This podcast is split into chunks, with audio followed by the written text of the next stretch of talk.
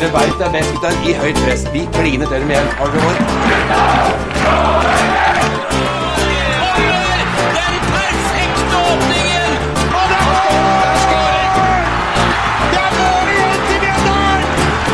Ja, velkommen til episode åtte av podkastspesialen om MIF-historien. Eh, Vi skal begi oss inn på det aller siste tiåret i MIF-historien, eh, som starter i 2010 og slutter med i dag. Og med oss, eh, som i forrige episode, eh, Vegard Hansen, velkommen til deg. Takk. Og til Kenneth Karlsen, velkommen. Takk, takk. Dere har blitt introdusert. eh, For de av lytterne som ikke er sikre på hvem disse to karene er, så er det bare å lytte til forrige episode. Eh, Ellers så er det mulig å google begge to også, og så er det mulig å lære litt. Ikke google meg akkurat nå. For tida. det er ikke noe interessant der. Nei. Ja, du får ta søket til eh, Begrenset til desember i fjor, i hvert fall. Ja. Eh, Vi har kommet til 2010, som sagt. Eh, 2000, vi avslutta forrige episode med 2009, eh, hvor Mjøndalen eh, holder plassen. Eh, Om ikke mirakuløst, så, så var det i hvert fall en, en, en solid eh, oppgave, det å, å klare å holde seg i den gangens Adeccoligaen med et eh, mikroskopisk budsjett.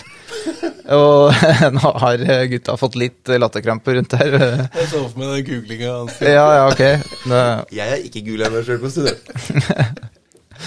Og eh, vi er som sagt ute i 2010, eh, et år eh, hvor vi da eh, har forlatt eh, sånn ja, skal jeg si for noe, hadde jo et veldig tøft år, og forventer vel egentlig før 2010 å få det like tøft. eh, Eller hvordan var det? det? Vegard, du var hovedtrener. Kenneth, du kom jo i nettopp det året inn som eh, hva blir det? da? Sports- og administrasjonssjef, som du hadde som tittelen din var i klubben da? Ja, jeg slutta det var ikke, Jeg husker ikke det som noe sånn veldig forskjellig, bortsett fra at jeg slutta i den andre jobben min. Det, Det var forskjellen, ja.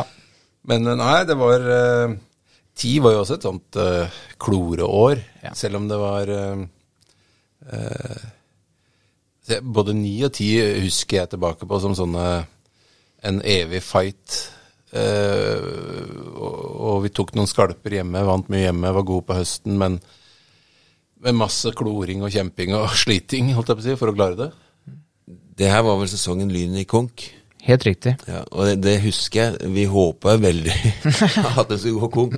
Hadde ikke noe sånn veldig medfølelse for de som brukte penger de ikke hadde dekning for, for å si det sånn. Så vi, vi har jo alltid vært eh, prøvd å vært ansvarsbevisst når det gjelder eh, pengebruk, og, så vi syns ikke noe sånn veldig synd på Lyn. Eh, Jeg husker den dagen det ble endelig avklart at de gikk konk. Da var jeg på Rolighetsmoen faktisk og så en fotballkamp. Så det, så det var så viktig for oss, og det husker jeg hvor jeg var. Og, for da skjønte vi at nå eh, kanskje har vi muligheten. Eh, for da var det eh, ett lag færre da som skulle ned. Så, og det blei vel redninga til slutt også, selv om vi hadde en god høst der. Men, men vårsesongen er jo brutal. Vi tar jo veldig lite poeng. Og da dukker jo også spørsmålet opp. Hva gjør vi nå? Eh, Vegards eh, posisjon for, for den eneste gang i løpet av de 15 åra var faktisk stilt spørsmålstegn ved. Uh, I hvert fall sånn jeg kan huske det. Ja, det var, jeg tror ikke det var eneste gangen, men det var nok første gangen. Ja, ok. Og det var reelt òg, fordi mm, det var, det var nok første gangen som vi merka at En ting var at vi ikke fikk resultater og de tinga der, men en annen ting som jeg tipper plaga Vegard, men som plaga meg litt òg, det var at vi, vi følte at På den tida der så trøkka vi det eneste virkemidlet vi har, hadde. Det var å pushe hardere og skru mer og mer på skruen. Eh, og, og den gangen så trodde vi det var lurt.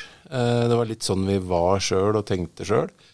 Og så lærte vi masse av de åra der, fordi etter hvert så, så merka vi at det å slippe opp og stresse ned og ikke ta det så tungt og sånn, det hadde vel så god virkning kanskje som å, å bare skru på skruen.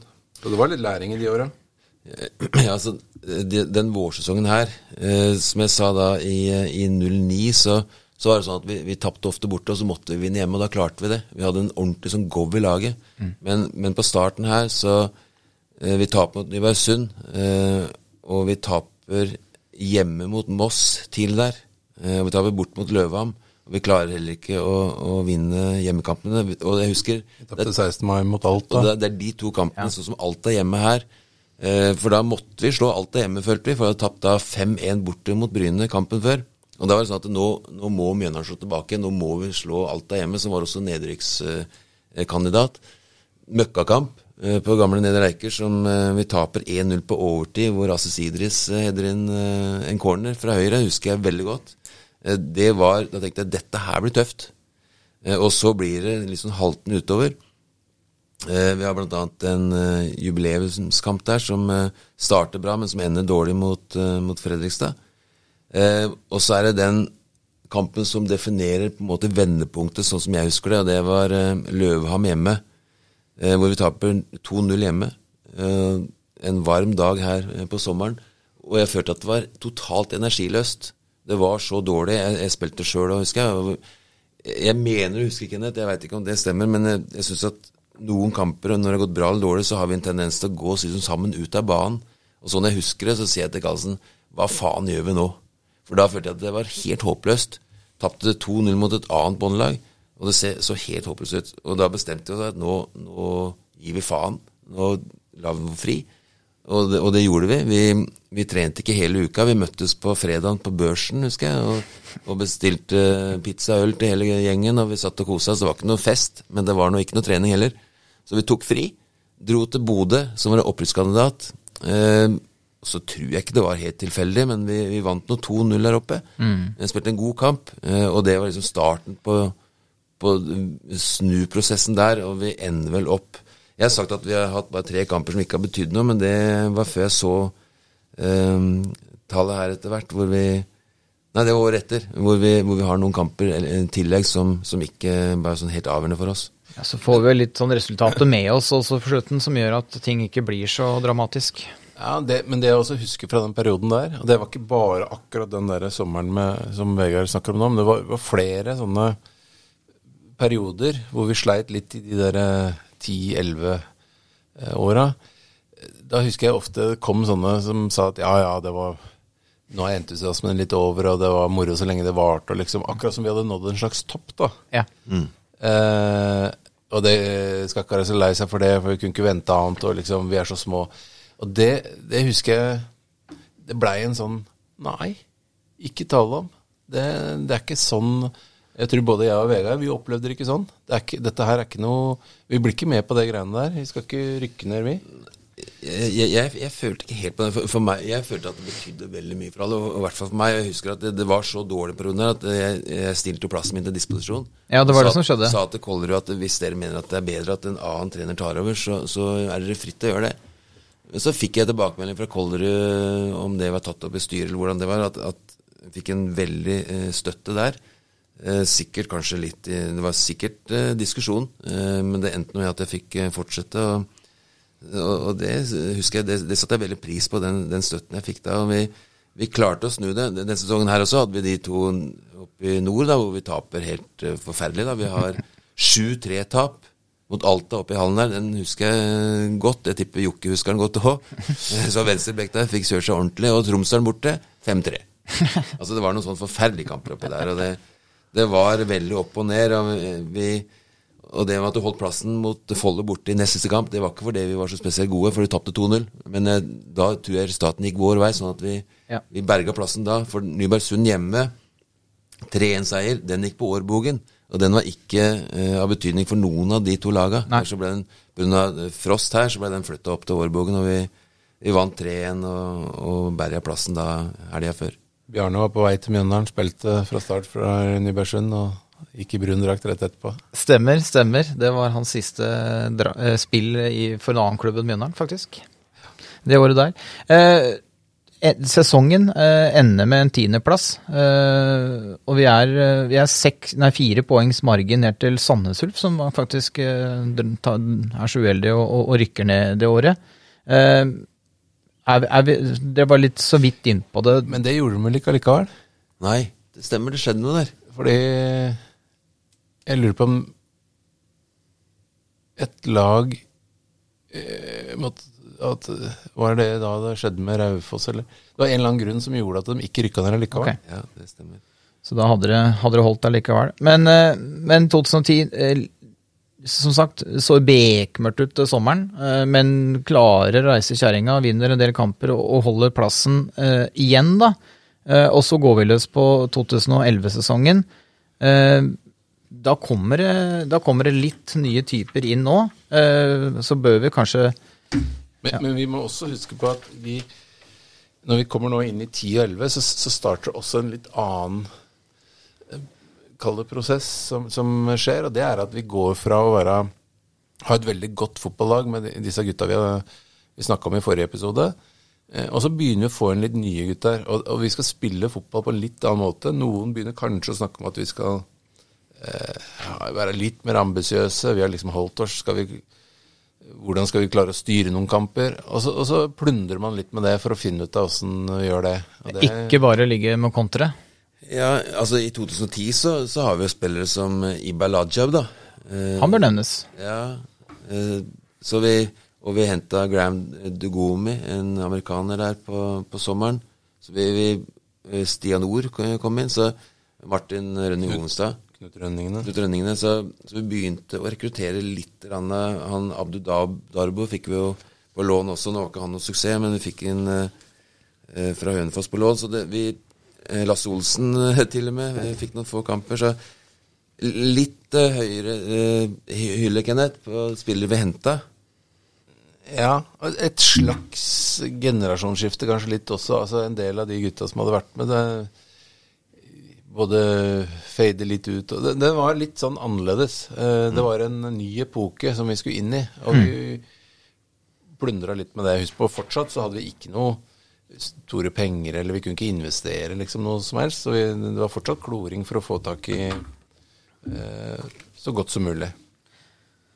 Og eh, som sagt, det var, det var 2010, hvis jeg ikke har rota fælt i papirene her nå. Eh, 2011 eh, blir jo på sett og vis ikke så lett å skille mellom 10- og 11-sesongen. Nok et år hvor eh, Ja, der begynner Ja, det blir litt det samme, men samtidig der så, så var det I hvert fall sånn jeg husker det, så var det en følelse av at vi Jeg husker vi nådde 40 poeng, f.eks. Det var en slags milepæl. Altså det å ha 10-10-10 Vi tapte ikke flere enn vi vant. Eh, det var første gangen jeg følte at vi Hvis jeg ikke husker helt vel, så tror jeg vi hadde 10-10-10 Ja, vi, hadde, hadde vi ikke 40-40 målforskjell? da? og 44-44, tror jeg. Sånn det var? Det var i hvert fall vi, Det snakka vi om i mange år, at klarer vi det, å få ti seire, ti avgjorte, da, da holder vi oss. Og det, da, da nådde vi det. Fortsatt ikke med å dominere kamper eller styre noe sånt, men da, da begynte vi å få mm, Ja, vi hadde enkeltkamper hvor vi var bedre enn motstanderen og sånn. Men, men her når jeg ser de siste kampene her, så var ikke det kniven på strupen. Så jeg, jeg, jeg tipper vi, vi redda plassen med 4-3-seieren over Asker i tredje siste, for jeg tror Asker hadde en skrekkelig høst. Petar året. skårer hat trick i den kampen. For da taper vi 3-0 bort mot Hønefoss kampen etter, og den tipper jeg ikke betydde noe, for den husker jeg ikke. Nei, vi hadde, vi hadde en god rekke etter sommeren. Det var liksom virka som Mjøndalen de åra der. Så det som betegner Mjøn- Mjøndalen best, er eh, litt svak, eller ganske svak, i vårsesong. Ja, vi pleier å starte bra, og så har vi en dårlig periode Ja, etter ja. første 8-10, som er skrekkelig dårlig, og så er vi gode på høsten. Sånn har det vært ofte. og sånn var det i år òg, for det tar jo bra med poeng etter eh, ferien. Jeg ser fra midten av august her, så har vi kun ett tap før vi har kommet til eh, midten av oktober. så så det, er jo, det er jo den perioden som redder eh, Mjøndalen i 2011. Det, er, det var litt sånn Vi, vi henta spillere litt seint, og vi henta dem eh, kanskje fra et nivå som vi egentlig ikke skulle få spillere fra. Lønna dårligere enn de var vant til, så de ville signere ettårskontrakt. Og så blei det en stor turnover etter hver sesong. Entusiasmen på starten av sesongen var stor, og så satte ting seg, men spillet satte seg ikke, og så tapte vi fordi vi ikke var samspilt. Og så kanskje ble vi bedre utover høsten igjen, og laget satte seg litt igjen. Det er den eh, beste forklaringen jeg kan komme på når det gjelder akkurat dette her, for det var så mange år hvor det var sånn. God start, dårlig etter de første åtte-ti, og så en god høst igjen. Ellers er det jo litt artig å nevne, når vi først snakker om eh, sesongene 10 og 11, da, så, så hadde vi jo da en eh, Vi spilte da som en 15-åring, Martin Rønning Ovenstad, Ja. Som eh, nå er tilbake igjen. eh, men allerede altså for ti år siden var inne og spilte i, i Mjøndalen. Og det var jo Han var god. Jeg husker det var eh, Det var, eh, jeg hadde den da hatt den på kretslaget, liksom.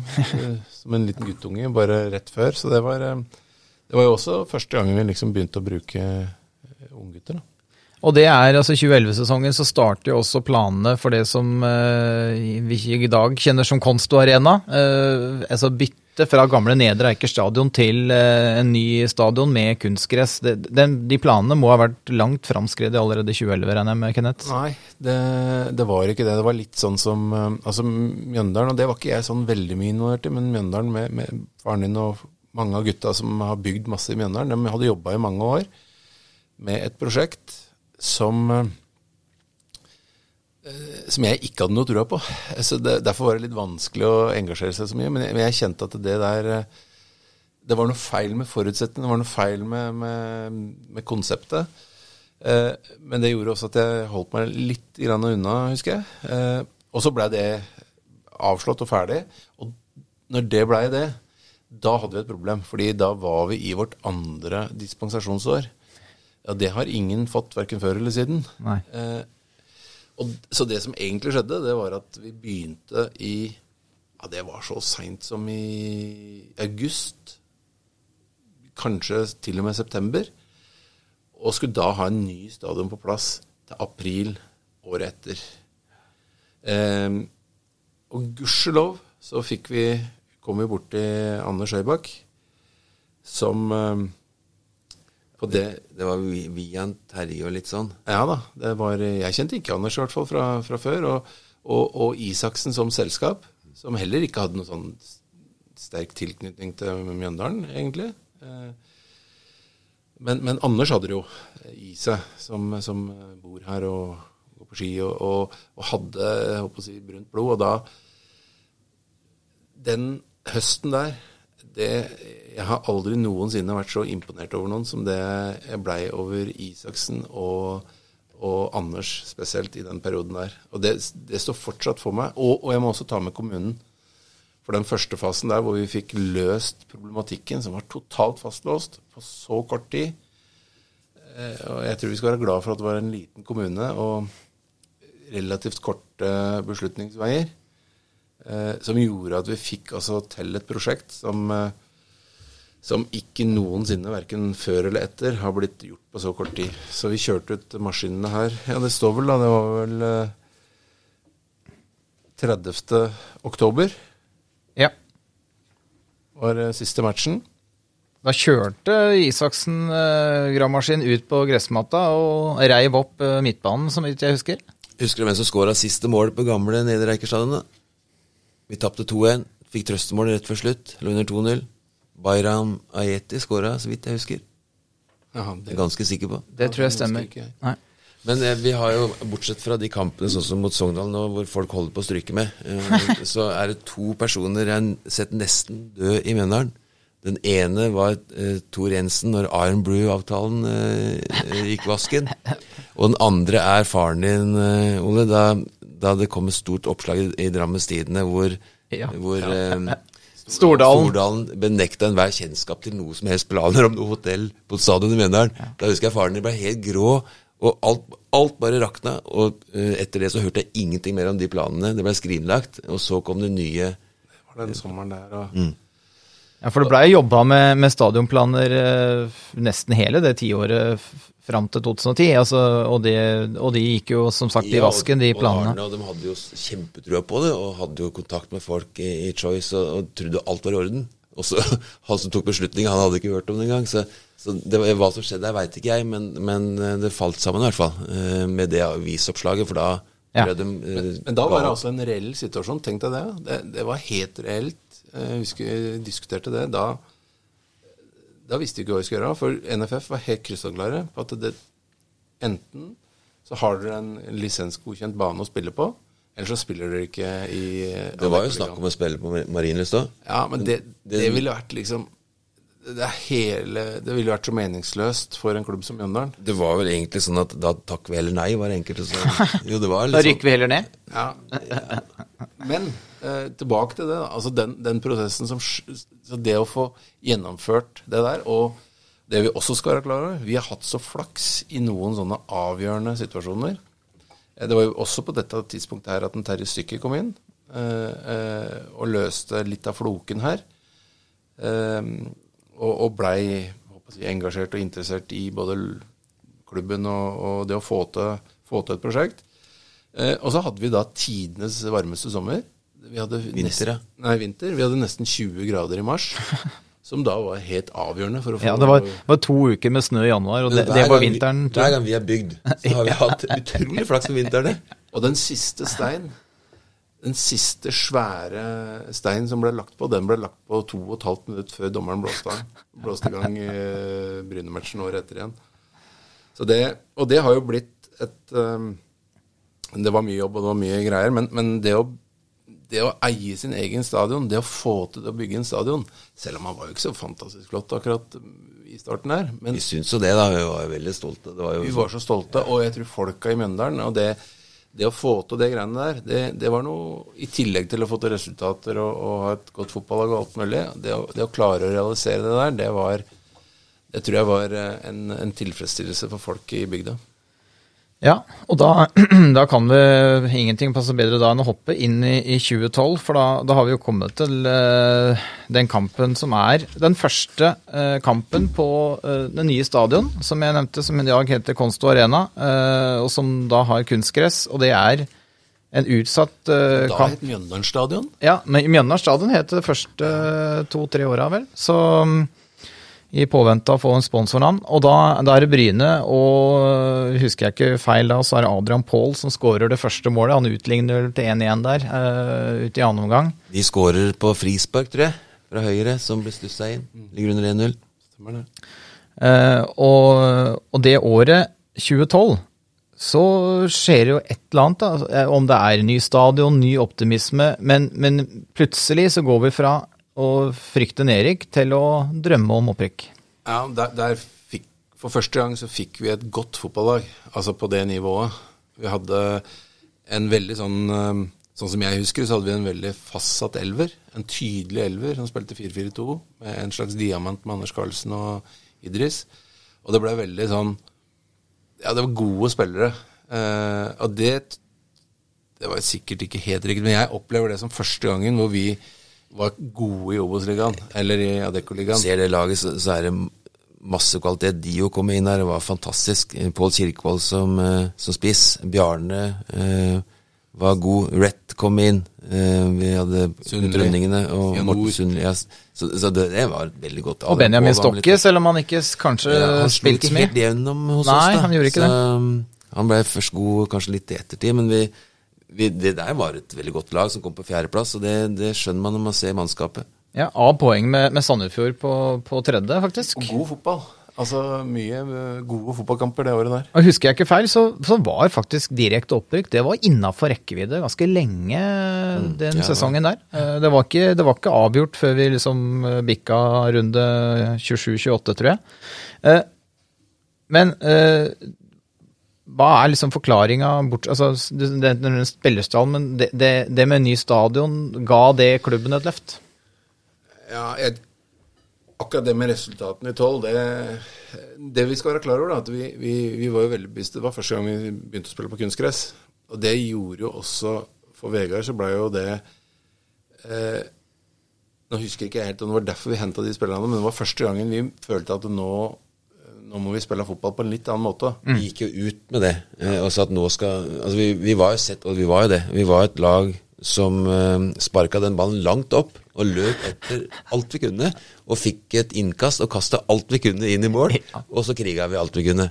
Det var litt sånn vi ble sett på, og i sto, i historia så var vi kanskje litt sånn. Vi hadde gode spill innimellom da også, men det var jo hardt arbeidende, dødballkraft, vanskelig å slå. Det var litt sånn vi var, eh, og det ønska vi å utvikle. Og, og vi henta spillere, vi fikk spillere på et annet eh, nivå. Eh, og vi, jeg husker godt at vi gikk ut og sa at For jeg ønska å fjerne meg fra, fra det stempelet. Eh, og så er jeg ikke sikkert vi har klart det ennå, men vi ønska i hvert fall med, med ny bane. Nedreike stadion var fantastisk, men ikke før i slutten av august. Før det så var den OK de første kampene når det ikke var ett grasstrå. Spill på- Spille på jord, det var greit. Og så var den helt forferdelig når det begynte å komme noen tuster. Og så ble den veldig fin på høsten.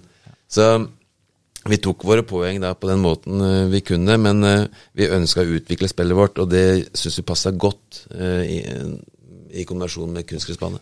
Så fikk vi, hadde vi elleve spillere som spilte 25 kamper eller mer. Ja. Så vi hadde en satt elver eh, som, som blei samspilt og god.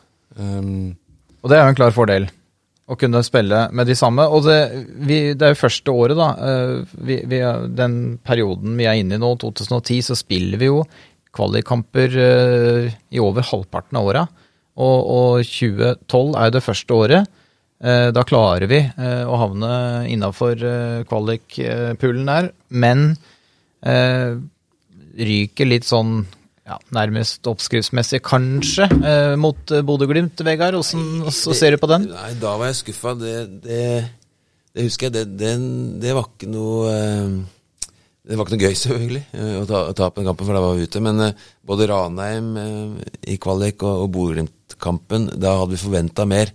Hjemme her så hadde vi, hadde vi trua egentlig. Glimt var et bra lag, og, og Magnus som kom hit seinere, skåra annet på så vi spilte ikke noen gode kamper. Vi var dårlige mot Glimt, vi var dårlige mot Ranheim også, og, og tapte fortjent. og det det syns jeg, det, det synes jeg det, det gikk litt på stoltheten eh, løs. Jeg skulle ønske vi kunne gitt en bedre kamp.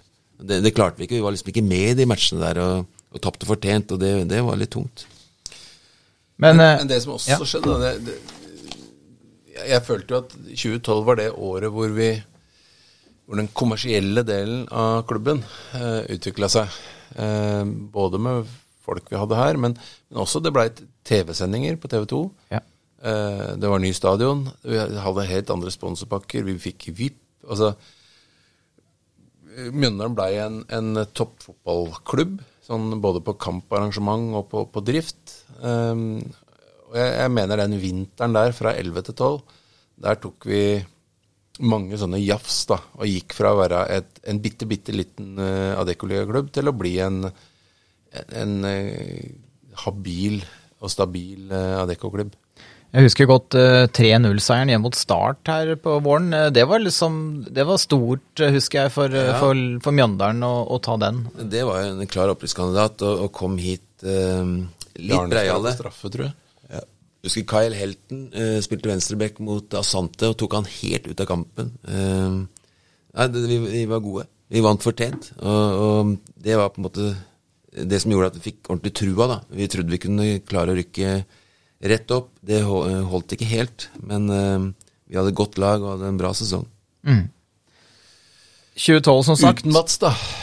Ja, for eh, Mats var jo Det glemte jeg å nevne i 2011, men han eh, var jo i Fredrikstad både det året og 2012. Ja, det var jo første sånn ordentlig spillersalget vårt. Og jeg husker det var eh, Det var innmari tungt og, og trist å miste Mats, men det var samtidig også det første liksom penga vi fikk inn, da, som vi hadde å bruke til noe. Og så kom, kom Mats tilbake igjen da i, i 13-sesongen, da. Ja, Det er en annen spiller også som kommer inn i 2013 som kanskje bør nevnes, og det er vel Kristian Gauseth.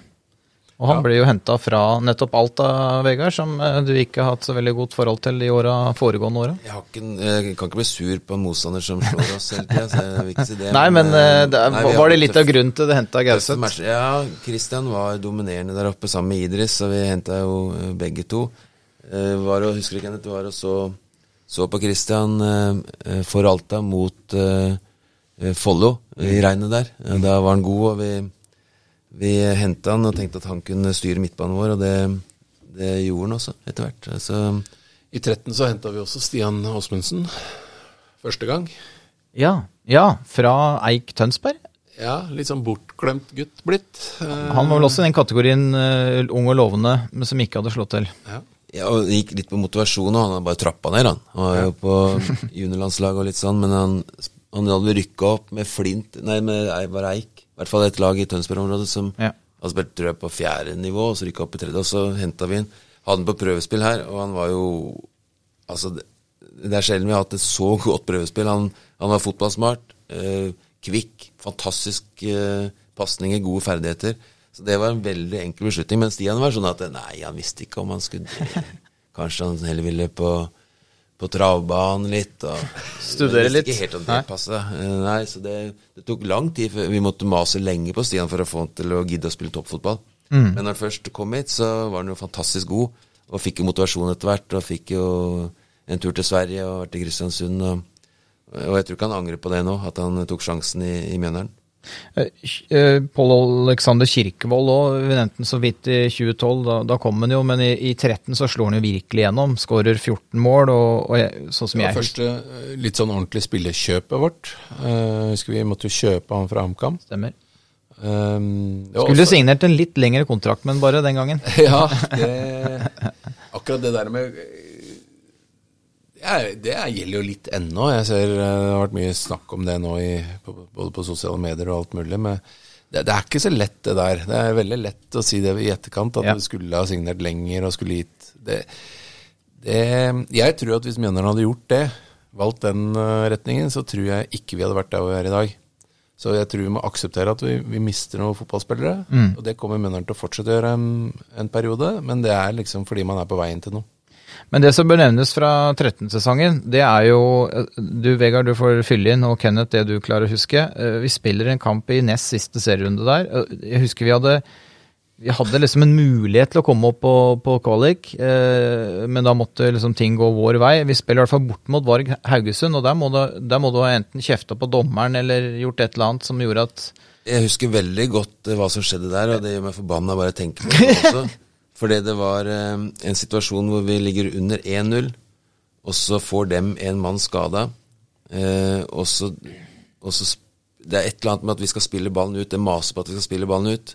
Og så er det én utlending, jeg husker ikke helt hvem det var nå, det var en Chanel Kapicic? Nei, det var ikke han. Det var en annen en. I hvert fall så, så sier han jeg, 'Jeg lover å spille ball tilbake til dere'. Sånn. Uh, ja, ja, da sto jeg på det, sa jeg. Og så var det greit, så var det et eller annet som vi gjorde, spilte ut ballen eller noe. Og så får den ballen, og så, og så gjør den ikke allikevel. Og jeg husker jeg klikker noe så jævlig på han, og skjeller han ut på det aller groveste jeg kan komme på. Uh, nei, ikke da, men det, men det som skjer, er at vi går rett opp og scorer. Vi var 1-1. Og Og det er da jeg blir sånn en, Tok han, da. Og det var så stygg eh, ordbruk at han fjerdedommeren sier fra til dommeren eh, og forteller hva jeg hadde sagt til han spilleren. Og det medfører at jeg blir uh, utvist. Og der føler jeg, jeg, jeg blir, Og så får jeg, får jeg lov til å se kampen, men en av de vaktene på Haugesund stadion Jeg føler nesten at den tar meg altså bak ryggen. Og, sånn Stripser, ja. stripser deg. Så måtte jeg, gikk jeg rundt, og jeg hadde ikke rekke å komme helt over på andre sida før Vard skårer. Så, så taper vi 2-1, mens jeg da føler meg nesten sånn eh, eh, arrestert der borte. Uh, og da, da følte jeg meg ikke særlig høy i hatten. Det må jeg innrømme. Da følte jeg meg veldig dum. Eh, for ett poeng der hadde vært veldig nyttig for oss. Men så skjer jo det da i siste kamp. Vi kniver mot eh, Bryne om den siste kvalkampen. Vi slår Hødd her, og det husker Nevstad godt, for de leder 1-0. Og, Og, og på 1-0 så er Hødd oppe i Eliteserien. Og det rykker opp, så snur vi det. Og da husker jeg, da står jeg med sånn vakt Det er jo vakt her. Ja, du er vakt, vaktjakke. Så eh, snur vi det uh, og vinner 3-1. Samtidig som Vard, av alle lag, slår eh, Bryne borte. Og Sanel skårer riktig. to-tre mål, og, og vi henter han i ettertid. Så det der, der hadde vi flaks. Ja. Um, så, som fikk kvalik der. Og reiser opp til Ulsteinvik i den første kvalikkampen. eh, Ja, og midt på vinner- dagen. Midt på dagen der oppe. Kampen gikk klokka ett Skolen hadde fått fri der oppe. Nevstad husker alt det. Og Gauseth på langskudd. Dio skårer vel også et mål, tror jeg. Vinner vi to eller tre? 3-0. Lurer på om kontra en 3-0 på slutten der. jeg. Men dem, dem, lufta gikk ut av Hødd da vi slo dem her 3-1. Ja. Den var ferdig. Eh, og vi vinner fortjent der oppe. Eh, og det ble en fin avslutning på sesongen. Eh, men da hadde vi som sagt flaks som, som fikk kvalik i hele tatt. Ja, og så ryker vi mot Ranheim. Jeg tror vi taper så mye som 4-1 her hjemme. jeg, eh, Den blåser inn én Ja. fra midten der, Helt som går over Ivar i lengste der.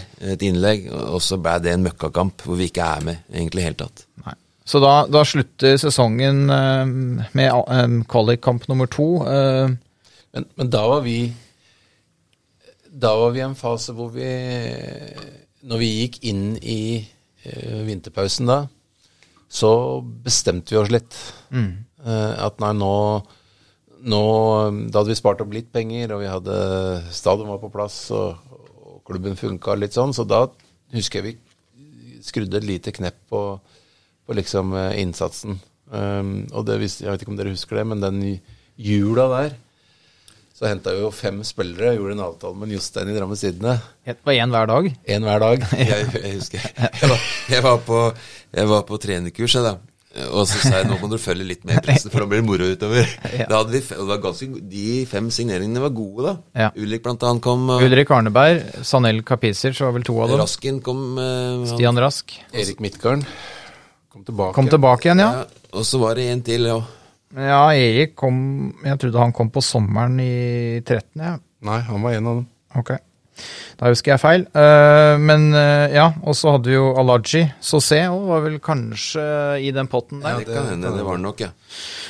Men, hvis eh, visst erstatter jo er jo en god erstatning da, for uh, tap av Kirkevold ved å hente inn uh, en, en eh, Sanel Kapizic som, eh, som stopper på 16 mål i serien. Det er jo mer enn godkjent, og var vel på en måte litt det vi mangla for å på en måte ta det siste steget. Ja, Sanel var Han eh, er dansk, så han er langt fra mjøndøling, men eh, han var det i måten å spille fotball på og være på. Han er også en av de som har satt seg litt eh, Satt sporet hos meg, egentlig.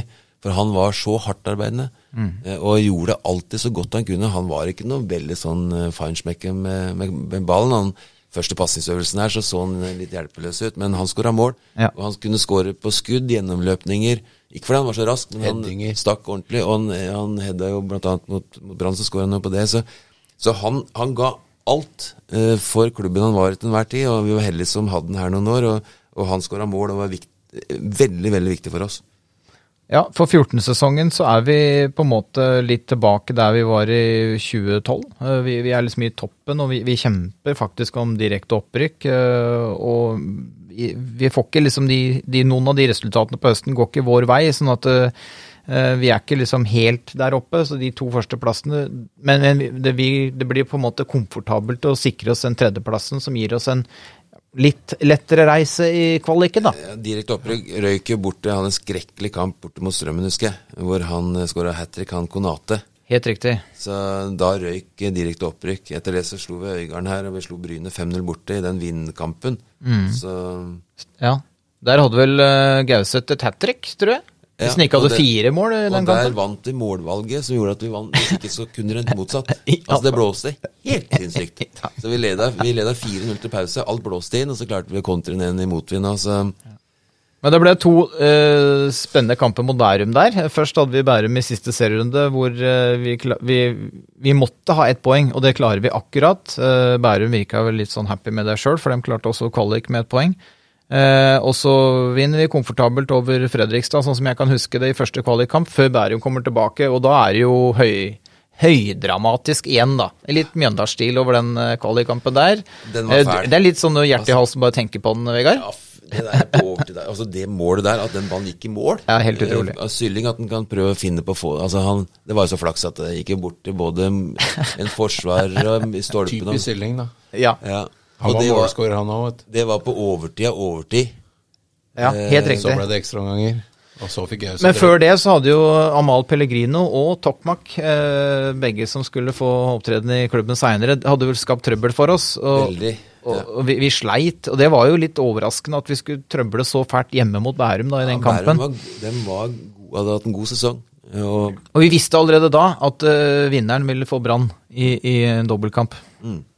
Eh, og det er som du sa, det skuddet til eh, Vi ser for oss sku- skuddet til Magnus Sylling det var ikke noe skudd, egentlig. vet du. Det var jo Et innlegg, da. Fra død Ja. Og det går fra- via keeper og i uh, forsvarsbein og altså, ryggen der, til keeperen og inn igjen, tror jeg. Stanga nede der på Ja, ja. Og så ble Gauseth utvist på en sein takling der. På Tokmak? Tidlig, ja, på Tokmak. Og så, men så tok vi helt over. Ja. Og vi vant det komfortabelt til slutt, faktisk. Den fikk keeperen sin utvist òg, og spilte vel med en utspiller i mål. Den var helt De var ferdig. Dem, dem, så det, det, det blei komfortabelt, men det var jo på håret der, da. Ja. Og så var vi innom i eh, forrige episode eh, at eh, et av de mest dramatiske kampene Mjøndalen har vært borti, det var slaget på Braskereidfoss eh, i 2006. Men det er ikke så aller verst de to kampene mot Brann i 2014 heller. For da er det billett til Eliteserien som står på spill.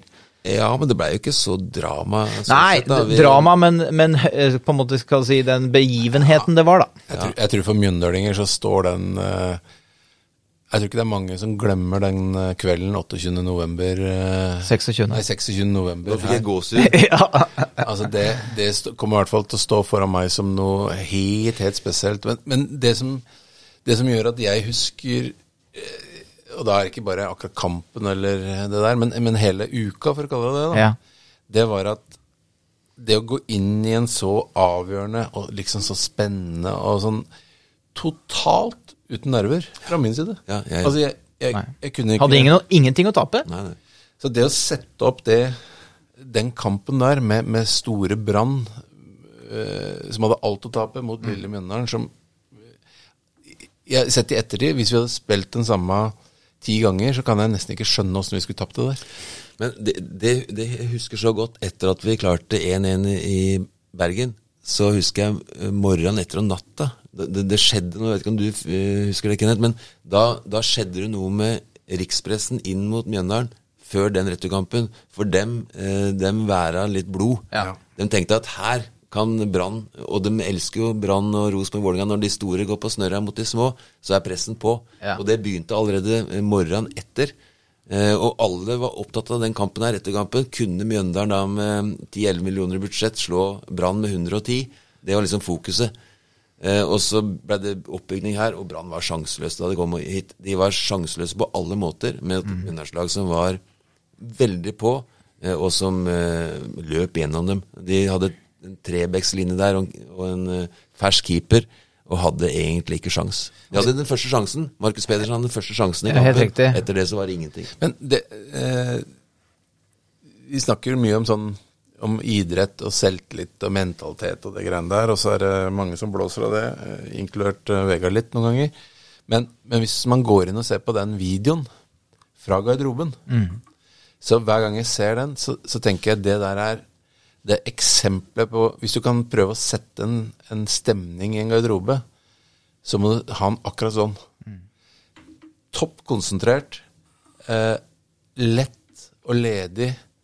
Eh, altså, det laget der, når du ser det laget der går ut, det, det kunne ikke tape den fotballkampen. Og du ser ingen som setter seg ned. Alle står nesten og tripper for å komme i gang med annen annen omgang i pausa. Ja. Ingen frykt. Nei. Nei, og sånn var det i garderoben, og sånn var det på stadion. Altså, Den gleden der som, som mjøndalingene følte, og den stoltheten der altså det var, Vi har opplevd noen ganger før, i Drammen f.eks., når vi har fått med oss noe derfra. Men, men det å, å slå Brann, som vi egentlig har tak på som klubb, i, ikke bare egentlig, men hatt veldig tak på i mange, mange år, og vinne da 3-0 hjemme her og, og rykke opp så komfortabelt, og den, den gleden der, den var Ja, det er som Kenneth sier, det er en av de største øyeblikka eh, vi har hatt.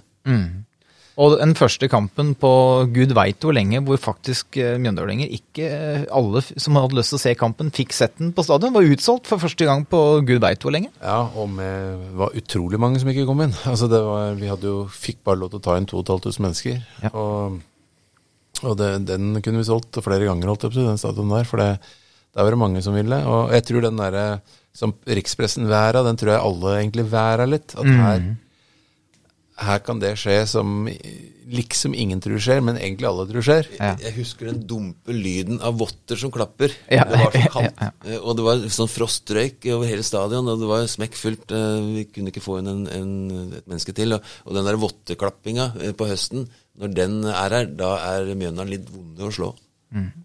Og så blei det jo tur ned til, eh, til, til Torvet òg, vi må nevne det. det. Det var mange tusen, eh, mange, i hvert fall flere tusen mennesker som hadde samla seg på torget. eh, Og som Ja, dere blei jo feira der òg. Det, det var litt av en opplevelse, det. Ja, det var det. Det var Men når jeg vet ikke om dere er sånn, men når, når kampen er som størst, opplevelsen er som størst, så blir man litt sånn utlada. Ja. Så jeg husker jeg dro tidlig hjem. Jeg, jeg satt på kontoret og kikka utover stadion og bare nøyt natta aleine, husker jeg, etter hvert der. Så, så det, det, men det var en stor opplevelse. Men eh, man blir så utlada. Ja. Eh, Akkurat samme følelsen for jeg. Det, det er noe med å gå under målseilet som Det blir noe rart med det, for det Ja, vi, vi har liksom Både litt sånn presset, trøkket Det er som å trekke ut en propp, da. Så jeg tror man nesten er litt sånn sliten når man står i det. Så, um, så jeg hadde, var også Og så veldig var vi litt sånn Hva faen gjør vi nå? Altså, vi var ikke klare som klubb, og vi følte oss ikke klare som lag. Og vi hadde, altså, vi hadde aldri betalt ei krone til en agent, og det fortsatte vi med. Og det førte til at vi fikk tre nye spillere som eh, ikke bidro, egentlig noen av dem, i stor grad. Så vi, vi, vi var ikke klare, og vi, vi syns det var Dette her er et nivå som vi ikke kjenner. Eh, Vi kjenner ikke markedet. Hvordan skal dette gå? Eh, Men, øh, men før vi forlater 2014, så, så er det jo det er, Ingen av oss forventa på en måte at det skulle gå. og Vi, vi hadde litt sånn ingenting å tape, gikk inn på den veien. Forberedte jo egentlig ikke uh, noe særlig grad feiring, men det var én person som for øvrig har vært særdeles viktig for klubben de siste ti åra, som øh, ante at her kunne det smelle ei bombe, og som faktisk var den eneste som planla, eller som tok ansvar for å planlegge feiring, og det var Per Fjell Olsen. Så han bør nevnes og sendes et takk til. For han, han regisserte jo hele eh, feiringa vi hadde ute på banen etter kampen, eh, og var på en måte den eneste av oss som turte å være optimister før kampen. da. Når du, når du først nevner Per, da, så, så er ikke fyrverkeri hans største bragd i minnet. Han og familien hans har gjort utrolig mye, men, eh, men jeg må jo få lov til å ta med det, da, at det er jo en av de som er virkelig viktig eh, i, i det tiåret vi er inne i nå. Ja. Med en entusiasme, en kompetanse eh, og en gjennomføringskraft som, eh, som har vært eh, fantastisk. Og mm, han blir jo ikke borte, han kommer til å fortsette med det. Men det, det, er, en, eh, det er en flink eh, og, og fin fyr. Så, um, I hvert fall for meg så har han vært utrolig viktig i, i klubben her. 2015, Vegard. Du får endelig lov til å prøve deg som uh, hovedtrener i Eliteserien. Uh, det starter jo veldig bra, det. ja, Vi, vi, vi reiser jo blant annet, eller vi, vi starter med en seier hjemme mot Viking, som uh, mange kanskje mente var veldig ufortjent, og så drar, drar du til Drammen, og jaggu meg får du ikke poeng der òg. Ja, eh, Viking hjemme eh, har vi litt flaks, de ble snytt fra straffe. Men vi, vi fikk de tre poengene. Sanel skåra eh, 1-0, og vi, vi fikk eh, tre kjærkomne poeng og kom oss eh, godt i gang. Og så dro vi til Drammen, og det er første gangen eh, Ikke første gangen, for det var andre stolte øyeblikk òg, men det var et virkelig stolt øyeblikk, eh, føler jeg. Mm. Og jeg følte Det var en lørdagskamp, det husker jeg veldig godt. eh, Ja. For vi feira i Drammen etterpå. og Det var det var vel begynnelsen på slutten for David Nilsen. Så ille tok drammenserne det der at vi, at vi fikk med oss et poeng der. Og, og stoltheten i øya til mjøndølinger etter den kampen der, eh, den kommer jeg ikke til å glemme. Det var liksom første gangen vi kunne Vi hadde blitt pissa på i mange år i cupen, og, og godset hadde vært klart bedre enn oss. Det var for stor eh, avstand til at vi kunne være en ordentlig rival. Men nå var vi det. Det var liksom den stoltheten som, som eh, ble gjenvant uh, gjenvunnet. Og, og, og jeg husker jeg kom inn på Ankas der, da satt Perfjell for øvrig, sikkert du, Kenneth. Og jeg, jeg brukte god tid i garderoben i Drammen. Og jeg rusla over Bybra og, og, var, og svevde over eh, elva der da. Så jeg kom inn der og fikk et glass vin og en øl. Og det, det var en, en stor opplevelse, husker jeg, å få med seg et poeng der. Ellers i den 15. sesongen så er det Det, det bare skyt inn det, Kenneth, før du begynner. Det er jo starten på Elv Classico, sånn som vi kjenner den i dag. Det er den første kampen hvor uh, Mjøndalen og Godset er uh, på sett og vis likeverdig. I møte med hverandre, i seriespillet. Og så kommer en skjebnesvanger kamp uh, kampen etter mot Start, hvor vi egentlig i praksis rykka ned. Uten Dio så blei vi tannløse. Hadde vi hatt Dio, så tror jeg vi hadde holdt oss. Ja, for det skjer jo allerede i runde tre. Eh, Men vi taper ikke før vi kommer til femte runde og får besøk av Lillestrøm og Fred Friday. Han skårer vel hat trick her. Ja, og da begynte nedturen. Da, var på en måte, da gikk proppen litt ut av oss. Eh, Ja, vi ja, akkurat da, ja. men så har vi de to seire mot Troms og Rosenborg. på tre dager. Ja, som Ja. var helt spesielt. Ja, de to seirene er jo To seire på, på den måten der. De er jo en egen podkast i seg sjøl, de to seirene der. Men, men, men vi kan jo oppsummere med at uh, Rett eh, får sin inntreden i norsk eh, sportspresse eh, med de to kampene. Ja.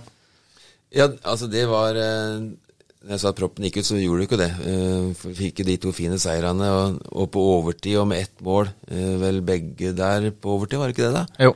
Så altså utrolig viktig, da. Vi slo et- Troms her, og så kom Rosenborg, og det siste innkastet Tim Nilsen som, eh, som ble stusser i, i mål. og Det ble god TV på alle gutta-serien også. Ja, så stemmer. det, det var to eh, spesielle eh, seire på noen få dager, så Det var bare så synd at det ikke holdt utover. Vi, vi ble tatt litt på kvalitet etter hvert, og vi, vi, vi var ikke gode nok. eh, Etter det gikk proppen. For da gikk det tre måneder før vi vant igjen. Ja, det var, Ja. var skrekkelige greier. Og vi, vi blei Altså, vi hadde ikke sjans mot Vålerenga den 16. mai. Eh, Molde hjemme, eh, Glimt borte. var jo helt forferdelig. Eh, Ivar blant annet var uheldig der, så Men, men allikevel, da. Altså, alle gutta ble jo filma eh, den Ja sesongen der. Så det, det skjedde jo noe. og Vi fikk lært mye, og vi fikk smakt mye. Og, og jeg mener også at eh, Jeg tror kanskje i 2015 så tror jeg Mjøndalen blei virkelig populære. Eh, og det tror jeg sitter igjen ennå hos, hos mange. Altså det, det er en Ja, jeg holder med det laget jeg er fra, men jeg kan godt Jeg håper Mjøndalen vinner litt. Det opplever jeg faktisk. Altså, jeg, ukentlig så får jeg telefoner om alle gutta. Og, og det er særlig gutter på sånn eh, 10-14 år, eh, 12-14 år, som, som ser den serien. Og så, så ringer de og spør Er det du som trener Mjøndalen. Ja, sier jeg, og så legger de på. Tør ikke si det mer. Så, men, eh, Det lever sitt eget liv på TV2 Sumo. Ja, ja det, det, det må den åpenbart gjøre, for det er interesse fortsatt. Eh, Men her har dere på en måte seinere år eller erkjent på en måte at det sommervinduet da, hvor på en måte vi skulle redde plassen, der mislykkes vi. Selv om mange av navnene var vi egentlig gode. Pellegrino blant annet kommer jo inn på høsten. Vi får ikke dette her til å funke. Og så ender det med, til slutt med ja, Vi, vi tok to beslutninger som, øh, som det går an å diskutere i ettertid. Den første tok vi med at vi ikke gjorde noe særlig på overgangsvinduet. Altså vi satsa på de vi hadde før sesongstart. før, altså i, på vinteren. Den beslutningen angrer ikke jeg så veldig mye på, eh, egentlig. Jeg syns det var eh, Jeg syns eh, det var riktig uansett. Eh, Problemet da var at de vi fikk inn, eh, styrka oss ikke noe. De tre signeringene hjalp oss ikke noe. Nei. Men, men vi gjorde ikke noe sånn altså Det var en sånn slags grunnleggende tanke om at vi, vi, vi stoler på de vi har, eh, og så fyller vi på.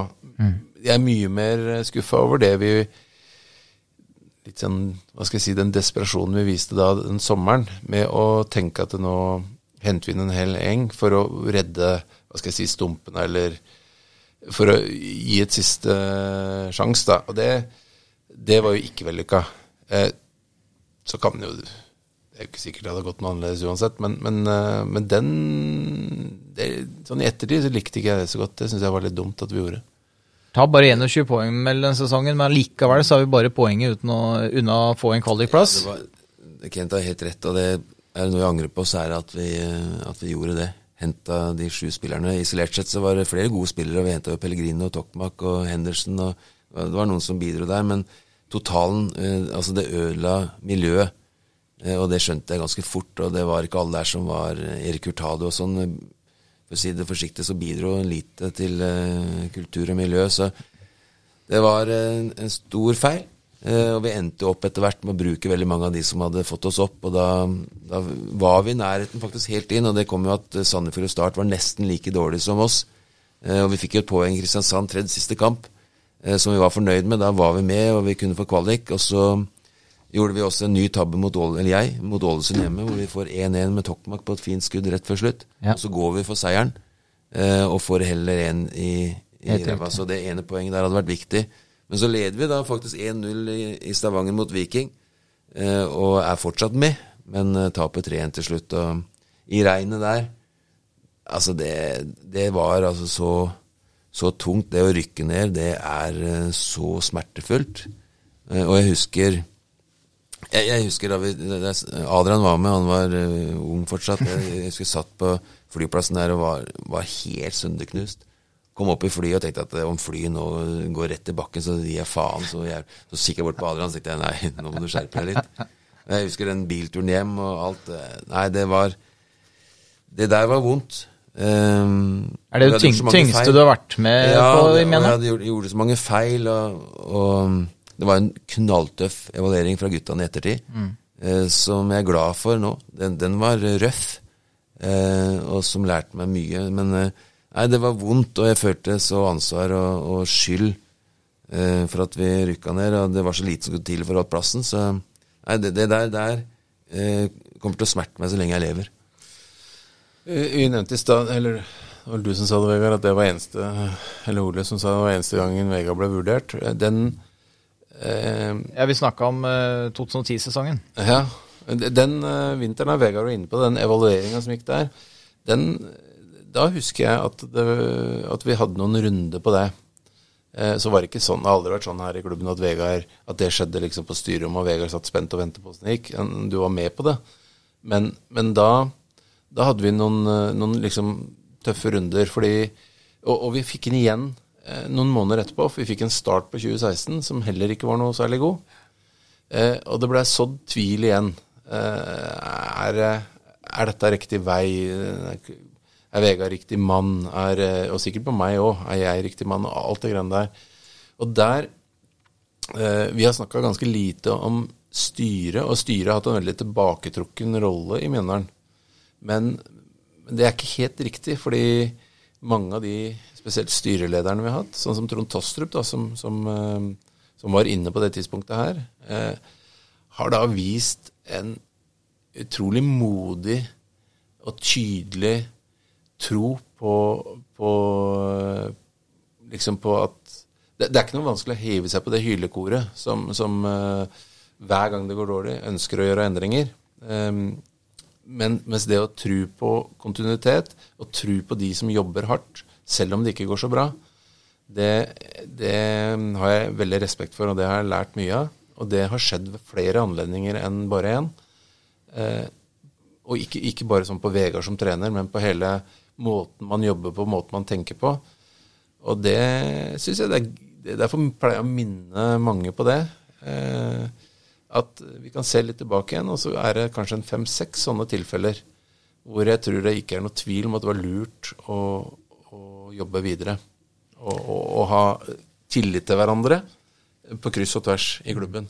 Framfor å se etter senest nå ja. her i, For eh, bare noen få måneder siden så var det en sånn situasjon. Man tapper sju kamper, var det det dere tapte, og fem etterpå, eller hva det var. Ta- Tapte 13 av 15. Ja, altså det, det er ingen tvil om at det, er, man, øh, at det blir spekulasjoner og, og diskusjoner rundt det. Eh, men det å, å tørre da å stå ved, eh, og ikke bli prega av litt sånn populistisk prat, det vitner om modighet og kvalitet. Og det skal styret i Mjøndalen ha. At der har de stått. Og, og for meg så har Trond Tostrup da vært en ganske viktig kar der. Som, eh, som ikke lar seg påvirke av hva alle mener, men han eh, forholder seg til fakta og, og, har mot til å stå i det. Ja. Og det definerer jo også litt tiåret vi er inne på, er det, gjør ikke det? At du har um, hatt tålmodighet da, i, jobben som har blitt gjort her. Ja, det, det som eh, den tilbakemeldingen fra spillerne eh, Det det resulterte i, da, det var jo eh, mye møtevirksomhet. Og etter hvert gikk det opp for meg at her må det en totalforandring til. Fra meg og min lederstil og, og fokus. Kenneth var viktig i den prosessen. Spillerne var viktig. Og jeg begynte å bli veldig søken på informasjon rundt dette. hvordan og gruppedynamikk og hvordan få best mulig utvikling i, i en gruppe. Vi var jo husker du Kenneth og sånn nede i Vestfold, og, og vi jobb, jobba veldig mye med det. Med veldig mange forskjellige, både internt i klubben og eksternt, som, som kom med innspill. Jeg, var, jeg skjønte at her må det en, forandring til. og det jeg tror jeg, jeg Jeg tror det hjalp for meg da i videre karriere som trener. Den prosessen der tror jeg var helt avgjørende for, for det som har skjedd i ettertid. det jeg husker jeg, jeg ble jo spurt noen ganger og, snakka Hadde jo en rolle som på en måte var sjefen til Vegard. Og var egentlig den som skulle ta avgjørelsen på hvorvidt eh, det var smart eller Og det har jeg alltid sagt til Vegard og bestemt for meg sjøl fra første dag vi jobba sammen, at, at eh, jeg skal ta den beslutningen jeg mener er riktig for klubben. Eh, og det som eh, alltid tippa det eh, i, den favør at jeg alltid anbefalte at vi fortsatte med Vegard, eh, og ganske sterkt, det var det Vegard er litt inne på nå. Og det, det har vært Jeg syns ikke vi har hatt et veldig Det har vært utrolig lite plunder i det forholdet mellom meg og Vegard, men, men noen ganger så syns jeg det har vært litt tøft fordi man er har en ganske sterk lojalitet som ligger i bånn. Og så skal man allikevel da vurdere. Så jeg, sånn den evalueringa som Vegard snakker om, den var det jeg som holdt eh, overfor spillerne. Og skal da presentere den for Vegard eh, på den beintøffe måten. Og jeg husker det, det letteste der ville vært å pynte litt på det. Men, men nøkkelen her har vært at Vegard har aldri vært redd for faktaene. Han har aldri vært redd for eh, konsekvensene. eh, Og har turt å stå i det å få så sterk kritikk. Han er vanskelig å fornærme, han er vanskelig å eh, vippe av pinnen. Og det gjør at du evner å stå i det greiene der og komme styrka ut av det. Eh, Det er mange av de fasene der som jeg tror mange trenere hadde gått i en slags forsvarsposisjon, eller skyldt på spillelogistikken, eller skyldt på ressursene, eller skyldt på stadion, eller altså et eller annet. Men det har jeg aldri hørt fra Vegard. Han er veldig selvkritisk og veldig eh, klar for å ta steget videre. Og da blir det mye enklere å ha trua, for, i hvert fall for meg, da. Eh, men det, det har vært det har vært litt sånn komplisert noen ganger, akkurat det der. Men det har vel vært, det har åpenbart vært tøffere diskusjoner internt enn det kanskje folk har vært klar over, da. Ja, Etter sånne typer- prosessen der ble jo Den kom jo ut i pressen òg. Så Men jeg har skjønt på Kenneth noen ganger altså at han, han har syntes ting har vært eh, litt vanskelig, men, og jeg har ikke vært direkte på det, men det jeg, altså Hvis det hadde kommet til det, at spillgruppa hadde ønska en ny trener, og Kent og styret hadde syntes at det var en riktig løsning, så, så veit jeg at Kenneth har tatt den beslutningen og informert meg om det. det, det hadde gått, det òg. Det hadde ikke ødelagt noe forhold mellom oss. Og det tror jeg Kenneth veit, men at det, at det var ubehagelig for han, og litt ubehagelig for meg også. akkurat når du, jeg, jeg husker jeg måtte ta noen runder Jeg, jeg vet ikke om du husker, Kenneth, men vi hadde jo lange prater. Og jeg gikk på kontoret mitt eh, og lot ting synke ned. Eh, Og så måtte jeg tenke meg om, og så var jeg inne hos deg igjen, og så, og så var det en ny runde. Altså Det var en lang prosess. Men, men det er, det er, dette her da, dette opplever ikke folk i, som er ute i det normale arbeidslivet, da. Altså Den type kritikk som både er personlig og som er faglig, eh, den er så tøff. Og den frembringes på en så Og for en da som dette betyr så mye for, så, så er det imponerende. Og det mener jeg er hovedgrunnen til at um, han som trener har hatt jobben nå i 15 eller 16 år. Det er at han har evna å stå i de eh, tøffe prosessene der og komme styrka ut av det. Og i tillegg akseptert at ja, det kan hende at det er lurt å gjøre endringer. Og det er jo derfor Mjøndalen har utvikla seg. Det er derfor man spiller på en annen måte. Det er derfor eh, man tenker rundt spillelogistikk på en annen måte. Altså Klubben evner å utvikle seg fordi eh, Vegard har den tilliten som gjør at han, han tør å, å endre seg. Og dette her er ja, Nå mener jeg vi er virkelig inne i kjernen på det som, eh, som eh, er vanskelig å få til i toppfotballen. Da. For her lever folk på så kort tid, og det er så liten grad av lojalitet og grunnleggende respekt at det er vanskelig å få til sånne type dynamikker som vi snakker om her. Og det er jo styrken til Mjøndalen, da, i, oppi alt, med lavere budsjetter og ressurser, å kunne nei, ha den, eh, det samholdet. Bra. Eh, vi, vi er nødt til å Dette kommer til å bli en lang episode, så bær med oss, eh, alle lyttere. Eh, vi, vi går inn i, i 2016. eh, høye forventninger til et Mjøndalslag om at det skal rykkes opp igjen, Vegard. Vet ikke hvordan du husker, husker inngangen der, men, men alle gutta som sagt gikk på TV rett før seriestart, og populariteten var større enn noen gang, kanskje. Men vi leverer jo ikke sportslig i forhold til forventningene, i hvert fall. Eh, spesielt på våren. eh, men redde på en måte stumpene til slutt med å, å klare en sjetteplass eh, som gir, gir kvalik. Og den kvalik, de, ja, skal si de kvalikkampene, selv om det egentlig bare var ett oppgjør, går også inn i historieboka. Jeg husker veldig godt starten, og jeg husker det kulminerte med en 16. mai-kamp på Jessheim, hvor vi også har hatt noen vonde opplevelser. Hvor, Ja, hvor, hvor alt var bare helt ræva, hvor vi nådde et eh, lavpunkt der. Hvor, hvor eh, jeg husker at vi eh, At det var vel Da var jeg forbanna, husker jeg. Eh, For den prestasjonen var helt skrekkelig. og vi og Jeg husker godt 16. mai, jeg husker kvelden der, jeg husker 17. mai, og det var helt forferdelig. Men, men der traff vi et eller annet som gjorde at ting også blei forandra. Vi, vi, vi gjorde om litt der. Vi forenkla veldig. Vi hadde ambisjoner om å, om å spille oss eh, gjennom divisjonen, og det skrinla vi i hvert fall eh, en periode. Eh, og vi, vi fikk snudd det etter den fæle opplevelsen mot, mot Kisa. Så ble det ikke så verst på slutten der, og vi, vi fikk vel laget å fungere så noenlunde etter hvert, så vidt jeg husker. Helt riktig. Vi vinner annet 6-2 eh, hjemme mot Ranheim her på høsten, husker jeg. For øvrig en kamp Ranheim sleit med å, å komme fram til i tide. Og Så møter vi også noen eh, litt nye navn da, som, som har gjort det bra seinere. Makani kommer inn for første gang. Stemmer. Kommer vel på sommeren. Ja.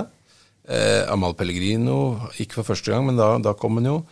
Eh, Begynte jo også å skåre mål det året der. Linseth henta vi jo på nede på Marbella, altså det, i februar eller hva det var. Gjorde jo strålende umiddelbart.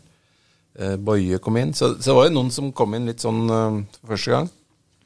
Og Andreas Hellum eh, debuterte vel eh, hjemme med mål eh, som en ung eh, hadde tatt opp fra juniorlaget eh, det året. Men, men eh, Levemyr, kvalik eh, og Vegard Kenneth Vi kan jo ikke, kan jo ikke hoppe over eller, eller snakke oss gjennom 2016 uten å ta med de, de to kampene der, for det det det blei. Det blei to kamper. Det, det var spesielt. Det var at den kampen ble helt å starta, og vi spilte en omgang der. Det var At den, eh, at den omgangen ble tellende. Det er jo det som er så fascinerende nå i ettertid. At de ikke bare starta en helt ny kamp. Ja, det, det var rart, det var teit. Men jeg, jeg må si at det er en av de få gangene jeg har vært mest forbanna i, i Mjøndalen. Ja, på dine egne. Ja. Det der var for meg så Altså, den, den greia som blei etter det, det at vi skulle stå igjen der som de som frøys mest og, og ikke orka og sånn, så, så var det ikke helt sånn. For det var ganske jevnt, og vi holdt på å ta dem igjen. Men, men liksom den Det uttrykket som ble stående igjen der, det likte jeg veldig dårlig. Eh, det husker jeg irriterte meg, meg lenge. Eh, fordi det syns jeg var noe umjøndarsk. Rein eh, fikser vi, liksom. Ja, det stemmer nok, det. Ehm, 2017, uh, vi prøver igjen. Uh, det, går, det går bedre i 17, og, og det som kanskje jeg husker aller best fra 17-sesongen, er jo etter at eh, Makani var utlånt eh, til Strømsgodset på våren der, så kommer han jo tilbake og er jo helt fabelaktig eh, på høstsesongen. Og der hva er det vi, vi, vi, vi vinner altså ti av de tolv siste kampene. Det er jo, den, den høstsesongen der blir jo vanskelig å kopiere, Vegard. Som igjen gir oss en, en tredjeplass, da. Hva, er det på en måte starten på noe som igjen skal, skal eh, ende med opprykk igjen? Hvordan ser du på 17-sesongen? Vi fikk vel et lag til å sette seg der. eh, eh, Vi blei solide, og det dro med oss inn i, i 18-sesongen. Så Du fikk, vi fikk inn Pontus, Silver, Vetle, Ja. Quint. mm. Som ikke var så veldig framtredende. Det, det, Men det skjer noe på høsten der. Sondre også. så hadde jo Amal hadde jo en helt utrolig eh, høst. Vanvittig god på høsten. Uh, ender jo opp med å score Altså det, Når du ser de måla som Amal skåra det året der Nå har han skåret masse flotte mål etter det, men den høsten der, det er, det er helt vanvittig.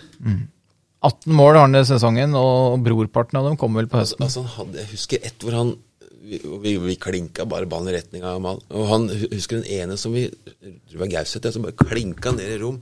Og, og Pelle tok den sånn halvveis på hælen og dro den Ja. seg inn og banka det lengste. Altså, han, det var, altså, han hadde mange sånne. Så det, og det var jo ikke tilfellet. Han har gjort det i ettertid òg, eh, kanskje enda mer. Så Men det som var rart eh, med den sesongen der, at når vi var så gode Allikevel da så, så, så, er, så går liksom lufta litt ut av oss i, i det vi skal inn i, i kvaliken. Da, da framstår vi på en måte ikke like giftige, da. Eh, selv om vi slår Kisa her, så, så, så var jo egentlig Ullkisa nesten bedre enn oss i den kvalikkampen. Vi vinner riktignok 2-1.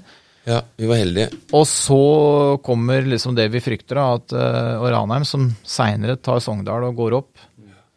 Eh, så det blei bare et sånt nestenår. Uh, tenkte dere da liksom Ja, du var inne på det. Vi bygde videre på det og fikk en flott sesong i 18, men, men det, det er faren med sånne typer sesonger er at det skal rakne litt, da. Det, det har dette med forventninger i fotballen. Altså, hvis du ser 16 og 17, da, eh, så, så blir jo det Jeg også tenker tilbake på det som ikke noen sånn toppsesonger. Men det er klart at for et Mjøndalen, med, eh, med stedet vi er her, og, og ressursene og sånne ting, så, så er det ikke sikkert at, uh, at sjette- og tredjeplass er så aller verst. Du du er blant Norges 20 beste lag, liksom. Så, så men, men, jeg er enig. Jeg, jeg, husker jo ikke det som liksom um, Det virker jo heller som litt sånn skuffende sesonger, kanskje. Ja, og det er litt rart. altså Når jeg er topp 20 de siste ni sesongene, og, og jeg, jeg, er faktisk ikke dårligere enn nummer seks eh, fra 2012 og ut nå. Eh, og så kommer da 18-sesongen, eh, Vegard. Eh, du, du, nevnte det så vidt. Vi, vi, hadde en fantastisk eh, sesong og vi bygger videre, eller høstsesong og bygger videre på det i 18. Eh, og det er vel sommeren eh, 17 også, som det blir gjort litt, som, som, det kommer inn noen som Nei, unnskyld, sommeren 18, eh, som i seinere tid har vist seg å på en måte være noen sterke signeringer. signeringer. Jokke kommer tilbake. Ocean blir signert der, og, og i tillegg Tony Brochmann. vi tar jo bl.a. Ålesund her hjemme, husker jeg, på 18-sesongen, som blir helt avgjørende til slutt. da. Mm. I 18 så spilte vi jo Det ble jo et veldig solid lag som slapp inn lite mål. Veldig lite baklengs. Eh, en sånn spiss som Oliver Ocean, da, som, eh, som, gjorde en utrolig god jobb. Eh, på, hvor gammel var han da? 38 år, eller? Ja, jeg tror det. Men, men eh, det, det, der var et ganske solid lag. Det laget der var ikke så lett å slå. Nei, vi, vi, vi, mitt inntrykk er at vi vi spilte Jeg følte meg trygg på sida. Jeg følte meg trygg på at vi ikke kom til å slippe inn mål. Og så tenkte jeg vi, vi får vel et mål på en eller annen måte. Vi brukte Jokke for eksempel, som venstre kant. og ble liksom sånn, den, Vi var sånn tighte, ordentlig tighte. Ja. Um, og det defensive var fundamentet vårt, og så, og så skåra vi nok mål. Så vi, vi tapte få kamper. Vi, sånn jeg opplevde så vi, vi vant sånn som HamKam borte, husker jeg veldig godt. En sånn klassisk ja. kamp hvor det var tight, og så skårer Kvint på frispark. Ja. Det var sånn typisk altså, Det datt til vår favør hele tida. Det tror jeg ikke var tilfeldig. Jeg, jeg syns litt sånn den siste kampen òg, da. Som da ble veldig ja. avgjørende. Altså, det, er, det, er, William som kommer høyre fram på høyre. Ja. Eh, som jo da blir en veldig god defensiv uh, høyrekant den gangen. og, og, Ocean altså det, det var noe solid over det der. Det var ikke Det er en av de få sesongene hvor jeg føler at vi Hvor jeg følte at det liksom var rolig på sida. Du, du, går ikke og venter på at vi skal slippe inn mål. Du smiler du, Vegard. Ja, jeg, jeg, jeg, kom på flytur hjem fra Florø. da var det god stemning i det Widerøe-flyet. Hun hadde aldri solgt så mye. Hun hadde, hun hadde høyeste omsetningen hun noen gang har hatt. Og det endte med at Karlsen Hvor mye skal du ha for den vogna? sa Karlsen. Nei, vi tar resten, sa Karlsen. Og så til slutt Hvor mye skal du ha for flyet? vi tenkte vi, vi hadde bruk for et fly i Eliteserien. Og, og fatt, eh, han Karlsen forfatt, drev forfatta en, eh, en melding til, eh, til Kvalik-Lars, som vi kalte det. Bohin, ja. Bohin. Den ble ikke sendt? Den ble ikke sendt. Nei, det, det var bra. min fortjeneste. Karlsen hadde veldig lyst til å sende den. Det, det, var et eller annet om at den, fikk, den fikk vel 59 poeng, tror jeg. Også, god, god, sesong. God, gratulerer med en god sesong. 59 poeng er meget sterkt, men du må nok ha 60 for å rykke opp. Nei, det var godt vi ikke, var godt vi ikke gjorde alt vi tenkte på den kvelden. Det var en lystig kveld uh, men, da vi kom den, i hallen her òg. Ja, for det var jo gøy, når, når det endelig landa.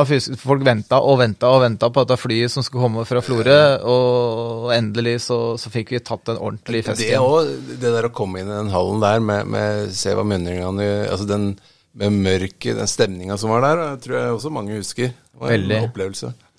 Og det var jo alltid spennende med sånne impulsfeiringer, for du veit jo aldri hvem som kommer og hvor mange Men hallen var smekkfull. Det var, eh, var, ikke så mye, var ikke mange kvadratmeter ledig inne i hallen der, og det, det var jo en kveld for evigheten, det. Ja. vi hadde jo muligheten mot Viking hjemme selvfølgelig kampen før. Hadde vi vunnet der, så hadde vi rykka opp. Ja. Eh, og Så tapte vi 4-2, og det ble tight. Vi, vi, skjønte at vi måtte vinne mot eh, Florø borte. Ålesund skulle vel, så vidt jeg husker, til Strømmen og vant der. Og Viking vant hjemme mot uh, Kongsvinger, tror jeg. Så, så, vi skjønte at vi må, sannsynligvis måtte vinne. og det Florø borte på gress der, selv om de hadde rykka ned. Vi, de hadde et bra mannskap, og det var ikke noe selvfølge, men det gikk uh, greit. Og ja, det, det var en, en, stor, en, en, stor kveld, det også. Mm. Og vi er gode på dødball. Sondre Solholm skårer fem mål og deler toppskårertittelen med, med, Ocean. Eh, men nå ble det riktignok skåra lite mål. Så har vi kommet til eh, Så er vi tilbake i Eliteserien da, Vegard. Eh, kommet oss opp igjen. Første direkteopprykket. Det blir Ja, Det blir som det ofte er med Mjøndalen i Eliteserien, en, en kamp mot å overleve. For å overleve. Ja. Det, vi er, og det har ofte vært, minst i klassen når det gjelder budsjett og klubb. Og, og det er vi veldig ofte i Eliteserien, i hvert fall. Så, vi kom litt tungt i gang. Vålinga borte var eh, røff. Eh, de var gode. Eh, og vi taper også en Vi visste jo ikke da hvor gode Glimt var, så vi Ni minutter på overtid. Ja. Glimt borte var. Nei, hjemme var, det var to vonde kamper, Vålerenga. Det, det tapte vi fortjent. Glimt hjemme, da taper 5-4 på overtid. Det, det var vondt, for så skulle vi til, til Drammen. Eh, og tenkte at det kanskje ble tøft også, men det ble jo en av de store opplevelsene gjennom disse 15 åra. Ja, det må jo sies. ja, og første gangen der var vi fantastisk gode. Eh, jeg vil si at vi kjørte over godset. Var klart bedre, burde leda nesten mer enn eh, Var det 3-0 til Vaus, eller var det 2? Var det ikke 3-1, da? Jo, 3-1, det ble 3-1. kanskje. Det ble 3-1. ja. Altså, eller de skåra ett mål i annen omgang. Ja, stemmer. Så ble det litt hektisk på slutten der. Mos hadde jo en uh, Det var legeren. Ja, så, men det var uh, en av de store, virkelig store skalpene, da. Det å slå Strømsgodset på Marienlyst. Det, det, så vidt jeg husker, det ble noe synging uh, den kvelden der. Og ja, du, da var vi høyt oppe. Ja, det var Ja. Ja. Så skal jeg også si sånn, sånn totalt sett, altså er jo det Man glemmer liksom det litt bort, men 19-sesongen var jo første gang vi prøvde oss etter 15. Og vi var, hadde jo tatt steg. Så, så vi var jo mye bedre i 19 enn vi var i 15. Eh, både som klubb og som lag. Så, så blei det marginalt at vi klarte oss, men la oss si vi ikke hadde klart oss. Allikevel så mener jeg at Mjøndalen har blitt bedre. Eh, og så lang tid tar det i Mjøndalen å bli litt bedre, for det, det koster mye. Eh, det er ikke bare bare. Så, Tok vel uh, vesentlig flere poeng i, i 19 nå enn vi gjorde i, i 15. Ja. Uh, vi var inne på Strømsgodset. Det vi glemte å nevne i 2017, var jo at da kom jo faktisk den første seieren eh, på lang tid mot Godset, i cupen, riktignok. Uh, og og cupen dette tiåret har jo vært flere, eller mange, jeg husker ikke helt antall, men en del kvartfinaler. Ja, det er jo er- vi- helt avgjørende. Vi er jo Jeg tror vi er lag nummer tre på de siste ti åra. Altså hvis du slår sammen hvem som har kommet lengst i snitt. Ja. Har vi ikke fem kvartfinaler, da? ja, det tror jeg er ganske nære sannheten, i hvert fall. Og, men vi har aldri kommet liksom helt fram. Men det har jo vært helt avgjørende. Jeg regna jo på det. øh, og Nå var det ikke noe cup i fjor, så er det vel samme tallet ennå. Jeg tror vi har henta inn over 15 millioner kroner på cupen siden 2006. Uh, og de, de penga er det redda en del budsjetter. Ja. Så det starta jo litt med at ja, Var det i 2006? Vi hadde 6000 mennesker her på Nedre Eike mot uh, Godset. Nei, i 2007. Ja, vi skal vel litt seinere, vel. Jeg lurer på om uh, gods ja. Men uansett, ja, vi hadde jo mange mennesker mot godset. Tapte da, men det var jo kjempeinntekt. Så, Ja. så, så cupen eh, har vært utrolig viktig. Og det, det er, eh, ja, som sagt, eh, kvartfinaler har det vært mange av, men ikke klart liksom ta det helt siste steget. Jeg, stoppa vel på en straffesparkkonkurranse mot Haugesund, hvis ikke jeg husker feil. Eh, Hadde vi vunnet den, så hadde vi jo fått en semifinale. Så Så det har vi vært. Ja. Og så har vi hatt Molde borte og Godset borte og Ja. Rosenborg borte. Ja. og Det har vært tøffe, Ja.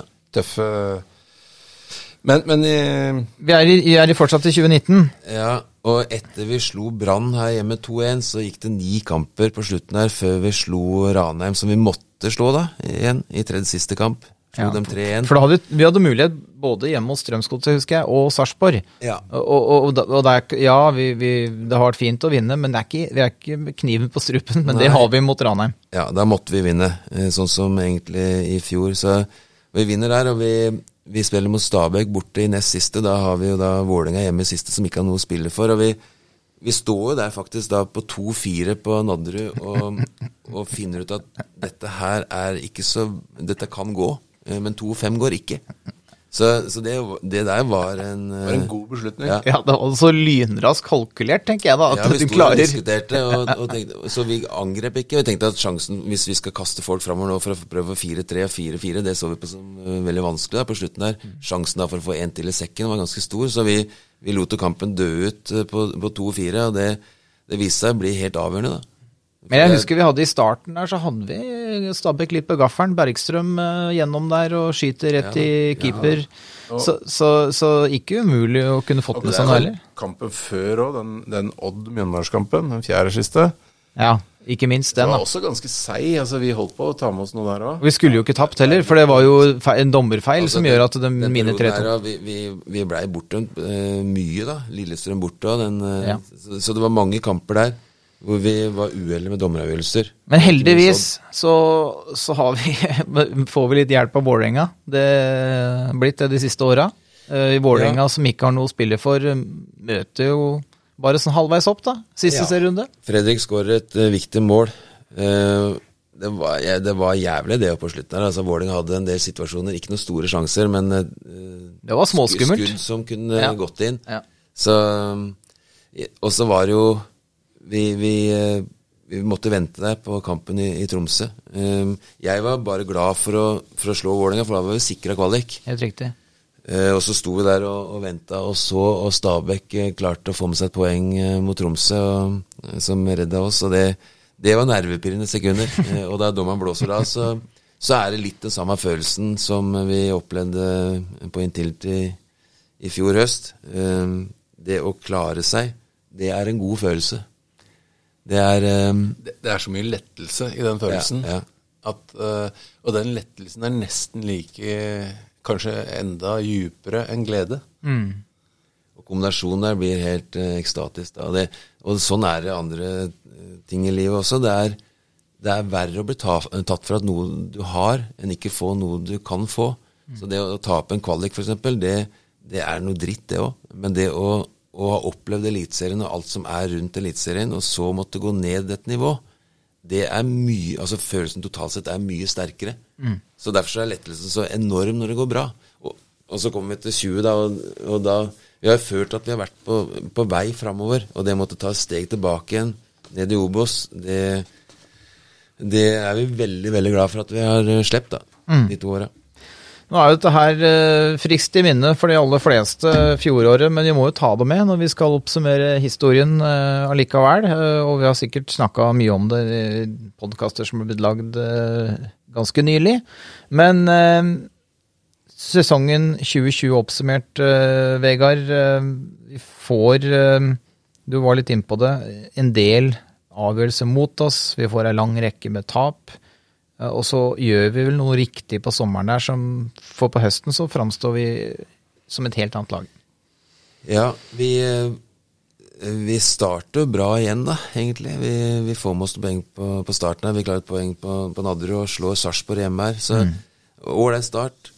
Eh, og så var det en helt surrealistisk opplevelse, egentlig, de sju tapa der eh, som kom etter hvert. Sju tap på rad. Det skal i seg sjøl være helt uh, umulig på alle nivåer. Um, men jeg var ikke sånn skrekkelig bekymra, faktisk. For jeg, jeg følte i hvert fall i mange av de kampene at vi Det var en grunn til det. Vi ble litt, altså Vålerenga hjemme her var en katastrofedømming. Og vi, vi var med, og vi, vi, vi var ålreit. Og så fikk vi to litt heldige seire uh, mot Haugesund og ikke minst Brann borte, som vi hadde veldig flaks. Og så tapte vi seks til. Og i de seks siste, da var jeg virkelig bekymra. Sarpsborg borte, f.eks. Eh, Odd borte, skrekkelig kamp, men det kunne forklares litt. Da, da skulle vi prøve litt nytt, og vi, vi brant oss på å være for dristige. Men Sarpsborg borte, vi skulle spille en tight kamp, og vi skulle prøve å få med oss noe, var egentlig sjanseløse, skapte ingenting. Eh, da var jeg bekymra. Eh, og, og heldigvis, da, vi fikk med spillerne på det, som er dokumentert mange hold, men spillerne hadde sin prosess. Vi i trenerteamet hadde vår. Vi slo dette her sammen eh, og, og satte ned noen få ting som vi skulle bli bedre på. Ehm, den prosessen spillerne tok der, eh, med Christian som på en måte kaptein og, leder, det var nok helt avgjørende. Eh, ikke noe klaging og sutring på noe som helst, bare en erkjennelse at dette er for dårlig på alle hold, også for spillerne. Og de kom med sine punkter som de ønska å jobbe med, de kom med sine punkter som de ønska at vi skulle ta tak i. Eh, og den prosessen der, den, de, de dagene og et par uker der, det var ekstremt viktig, følte jeg i hvert fall. Eh, Og vi, vi slo fast noen ting. Vi skulle spille 4-3-3, vi skulle jobbe med, med spillestil og, og roller og relasjoner og bli trygge og skulle trene litt annerledes. Og, Og vi blei bedre smått om senn. Eh, og vi blei akkurat gode nok til at det her akkurat gikk. Men det var på håret. Men vi Talla Jeg har gått gjennom, som jeg gjør etter hver sesong, og tallene totalt sett er helt forferdelige. Det skårer 26 mål, selv om eh, XG, altså expected goals, forventa mål i forhold til possession og sjanser, var på over 40. Vi skåra 26.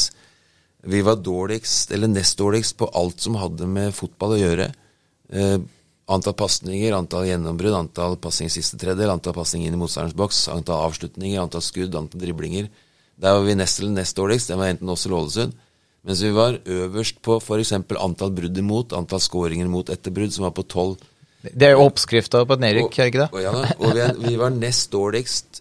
eh, eh, det var en tabell da på første og andre omgang. Vi var nest dårligst på både første og andre omgang. Allikevel så kom vi tredje sist. Så vi må jo ha hatt flaks på når skåringene kom. Så alt av tall tilsa nedrykk. Eh, men siste elleve kampene så vant vi fem. Vi tapte fem og én uavgjort. Og vi hadde 14-11 i målforskjell, som tross alt er i hvert fall pluss. Eh, og det er det vi skal bygge på. Ja. Eh, og det er det som gjorde at vi, eh, vi klarte det så vidt. Nå har det vært mange spillere som har vært viktige i, i de to siste åra, men, men, i sommer så, så kom jo Olamund Sveen inn. Eh, han skåret et mål eh, hjemme mot Strømsgodset som, som, blir viktig for å tidlig mål der og få, få kampen i vårt spor. Eh, og så kommer vi til, eh, til altså, så berger vi som sagt eh, kvalikplassen, og så kommer vi til den Sogndal-kampen, og, og der også blir jo han helt, helt avgjørende. Ja, det var litt som året før, når vi virkelig absolutt 100% må. Da vinner vi. Eh, Og sånn var det i fjor også.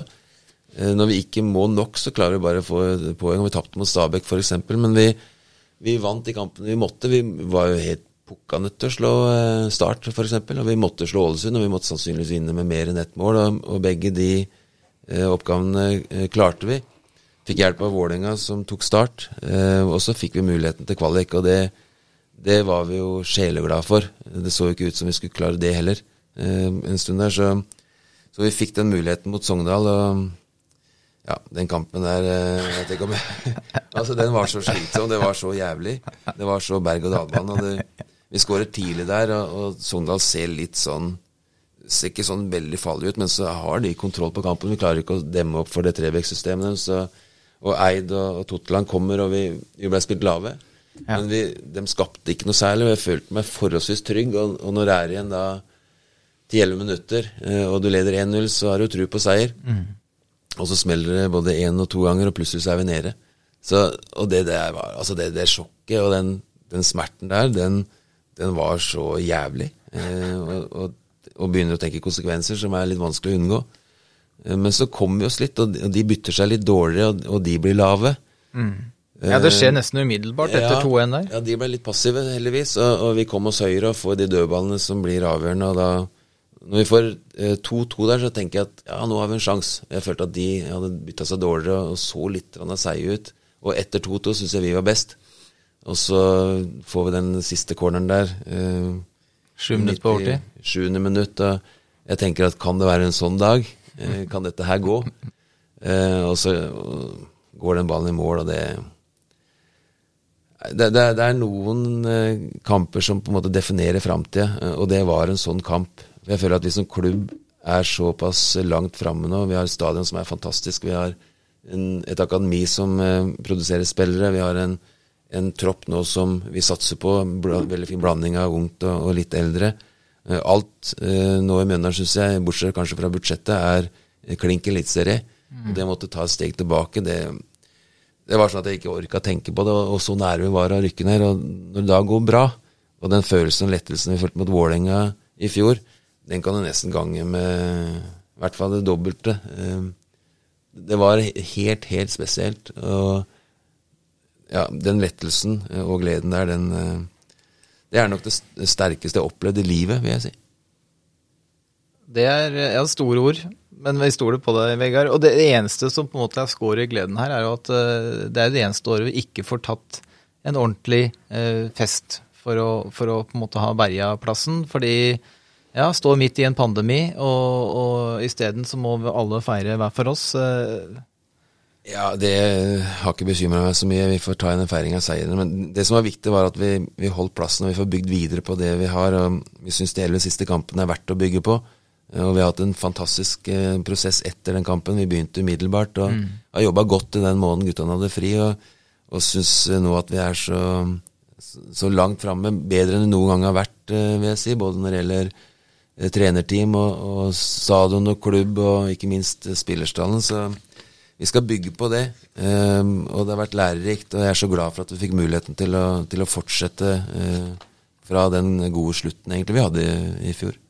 Det som slår meg, da, når vi ser til, både tilbake til tiåret som vi nettopp har vært gjennom nå, fra 2010 og fra til og med 20, er jo at det er et usedvanlig begivenhetsrikt eh, tiår. Eh, og som heldigvis, da, sl- slutten på, på, på tiåret, er jo at Mjøndalen klarer å befeste en plass i øverste divisjon, eh, som eh, når vi går en- noen tiår tilbake, de færreste trodde egentlig var mulig. Ja, Kenneth sa det veldig fint før kvalikkampen at husk på dere er foran byer som Kristiansand og, og Ålesund. Det er ikke så verst, bare det. Så um, Kenneth er flink til å sette um, ting i perspektiv og være reflektert. og eh, Det er ikke alle som husker sånne ting. da. Vi, vi er små, det er 8000 mennesker i Mjøndalen, så vi kan eh, sette oss litt ned noen ganger og tenke at det er ikke så halvgærent det vi har drevet med de siste åra. Vi har gjort masse feil, men vi har gjort noe riktig. og Kenneth har vært med på stort sett alt dette her. og ja, Vi, vi har kommet et godt stykke, og vi syns det er artig at Mjøndalen får lov til å oppleve eliteseriefotball. Og vi, vi er takknemlige for at vi får lov til å, å, og jobbe videre med i denne klubben. Og måten ting har, har blitt på med stadion og, og alt. Det, det er vel en, fin måte å runde av på. Kenneth, eh, du, du har eh, forlatt eh, jobben i klubben og sett et år fra utsida. Har du fått et annet inntrykk av klubben i løpet av det året? Nei, det har jeg ikke gjort. Så det eh, Jeg følger fortsatt ganske nøye med og, og snakker mye med folka som er her. Og, og eh, jeg syns Mjøndalen fortsetter den eh, fine trenden man er i. og og eh, sånne perioder som vi er i nå, da, på, på vinteren, så syns jeg det er viktig at ikke bare Vegard og, og, André og gutta som holder på her, men også folk som bor i Mjøndalen, må se litt Kikke litt ordentlig på, på det som skjer, og være utrolig stolt og fornøyd at man klarer å ha toppfotball her. For det, det er mange som gjerne vil det rundt omkring. Eh, og det er godt gjort. Og det, det sier mye om eh, kulturen og historien i, i klubben. Så tror jeg, når det er sagt, så tror jeg også at uh, klubben står i et slags veiskille. Nå har vi en del mennesker som har gitt seg. både du og jeg og Christian, og det er, det er flere. Det er et slags sånn type generasjonsskifte på, på sånn i og rundt klubben som, som er helt naturlig, og som må skje. Og som bare er på en måte positivt, hvis man takler det på riktig måte. Eh, eh, så tror jeg også man skal se litt på Når man først har kommet på det nivået som Vegard snakker om, som, som vi er på nå, eh, så er det viktig å se på dette her med hvordan utvikler vi folk. For, for det kommer alltid til å være Mjøndalens eneste mulighet i konkurranse mot de store. Det er hvordan klarer vi å Enten du er leder, du er venstreback, eller trener, eller hva nå du enn er, eller frivillig, så må du komme inn i den klubben her med et potensial, og så må du komme ut igjen eh, som eh, veldig, veldig god på det du driver med. Og det er der kulturen og driven i bygda og i klubben her eh, er med på å gjøre deg bedre. Og det tror jeg er den eneste muligheten for Mjøndalen til å bli eh, veldig gode og opprettholde det nivået man har. Hvis man først får til det, så tror jeg ikke det er noe begrensning heller. Norsk fotball er ikke bedre enn at da går det an å eh, vinne hele greia. Så, så jeg, jeg ser ikke noe begrensning for Mjøndalen, men jeg tror det er viktig at man evner nå å Og det- dette her handler ikke om å bare bruke unge spillere og sånne ting. Men det handler om uansett hvilken alder eller hvilken rolle du har, så må du føle deg trygg, eh, få mestringsfølelse og bli bedre i den klubben her.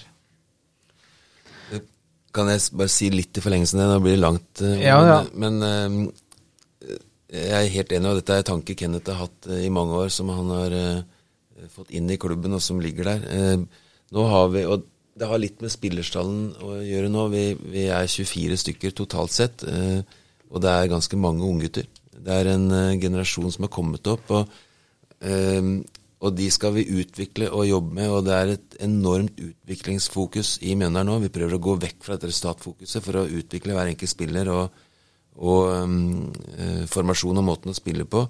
Eh, og vi har de vi har. Og jeg er veldig fornøyd med de vi har. Uh, det er unggutter som kommer til å, å overraske og glede. Uh, så jeg må egentlig bare mane til litt tålmodighet når det gjelder signeringer, for vi føler oss ganske ferdig med det. Vi, vi føler oss ikke ferdig med utvikling av de vi har. Og det er der vi har alt fokus.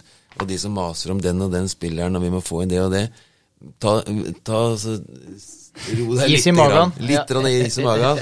La oss få en sjanse til å utvikle de vi har, og vise hva de kan. Hvor, gode de kan bli. Husk på en 19-åring utvikler seg enormt på et år. Eh, Og det er vår jobb som trener, å få de gode nok. For vi er nødt til å bli en selgende klubb, som Kenneth har, har snakka om i mange år.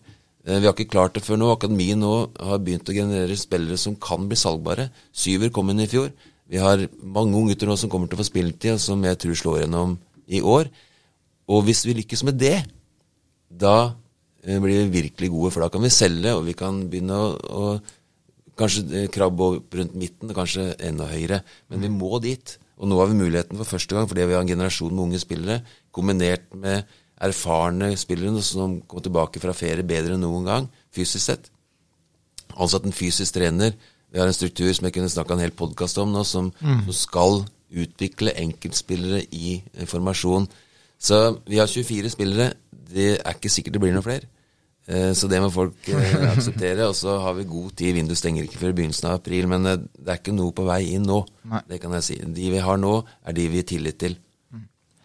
Så hvis du skal se i spåkula og, og, og se fram til eh, den neste podkastepisoden som kommer om ti år, så, er det Mjøndalen som utviklingsklubb og som selgende klubb og som på en måte kanskje mer robust økonomisk da, på bakgrunn av det. Er det det du ser for deg, Vegard? Ja, vi, vi må øke budsjettet. Vi skaller i taket på 40 millioner, mellom 35 og 40. Og vi har eh, jobba i mange år med å prøve å få nasjonale og regionale sponsorer. Det er ikke så veldig lett. Eh, da må vi tenke hvordan kan vi få inn eh, mer midler. Vi får ikke noe særlig mer enn de 2500 menneskene som kommer på kamper her. Eh, og og TV-rettighetene er der. De, vi har prisgitt forhandlingene som de gjør sentralt. Vi får det vi skal der. Vi er nødt til å å skape midler på andre måter, og da er spillersalg igjen. Mm. Og det er unge spillere som selger, og det er de vi skal produsere. Så skal det også sies at, at klubben er jo hele det tiåret du snakker om, og for så vidt det forrige òg, det er jo en, en utviklingsfase. Det fins knapt nok noen andre klubber i Norge som over så lang tid har blitt bedre og bedre og bedre. Eh, selv om det tar litt tid, så er faktaene at eh, grafen stiger og stiger og stiger. Og så har vi hatt, sånn som nå de siste eh, åra, så har eh, investorene, altså Lasse og Terje og Yngve og, og gutta der, har, har jo hjelpa voldsomt til for å gi, det, gi klubben den tida man trenger til å bygge opp dette her. Så, så det er veldig mange krefter som jobber sammen. Og så, så er jeg helt sikker på at fremtida er, er lys for Mjøndalen. Og det, det må være lov noen ganger på vinteren å kunne klappe seg litt på skulderen og si at dette her har vært ganske artig reise. Ja, men jeg må si da, Når du går ut her, særlig rundt eh, juletiden nå, når vi akkurat hadde holdt plassen, så hendte jeg tok en rusletur bare på banen og så på nye eh, leilighetene her, og hvordan det ser ut sånn totalt sett. Den gryta det er blitt, med julelys og Altså, det er fantastisk. Det er ikke mange stadioner som er så intime og fine som det her. Det er ikke den største på langt nær, men jeg syns det er den fineste. Eh, så alt ligger til rette, og når den stadion her eh, en gang blir full igjen, eh, med snøtt 4500 kanskje mot godset her, det kommer til å bli en stemning som vi aldri har opplevd før i Mjøndalen. For det er ei gryte her som gjør at det blir det er, Altså, vi hørte det med 200 i fjor. Ja. Det, det kommer til å bli gøy, så vi er, jeg tror vi har mye moro foran oss.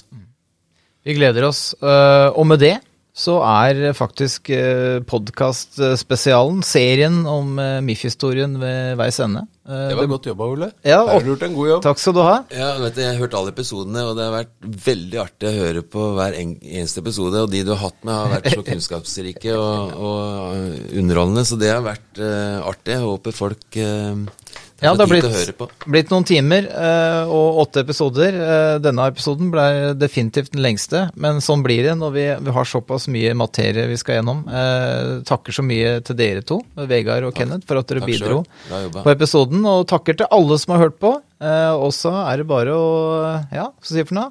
Varme, holde seg varme og glede seg til seriestart når den tid Forbered kommer. spørsmålet til 2030. Ja, forberede spørsmål. ja. Så igjen, eh, tusen takk til dere, og så håper vi at vi igjen kan ses på stadion når serien starter igjen eh, på våren.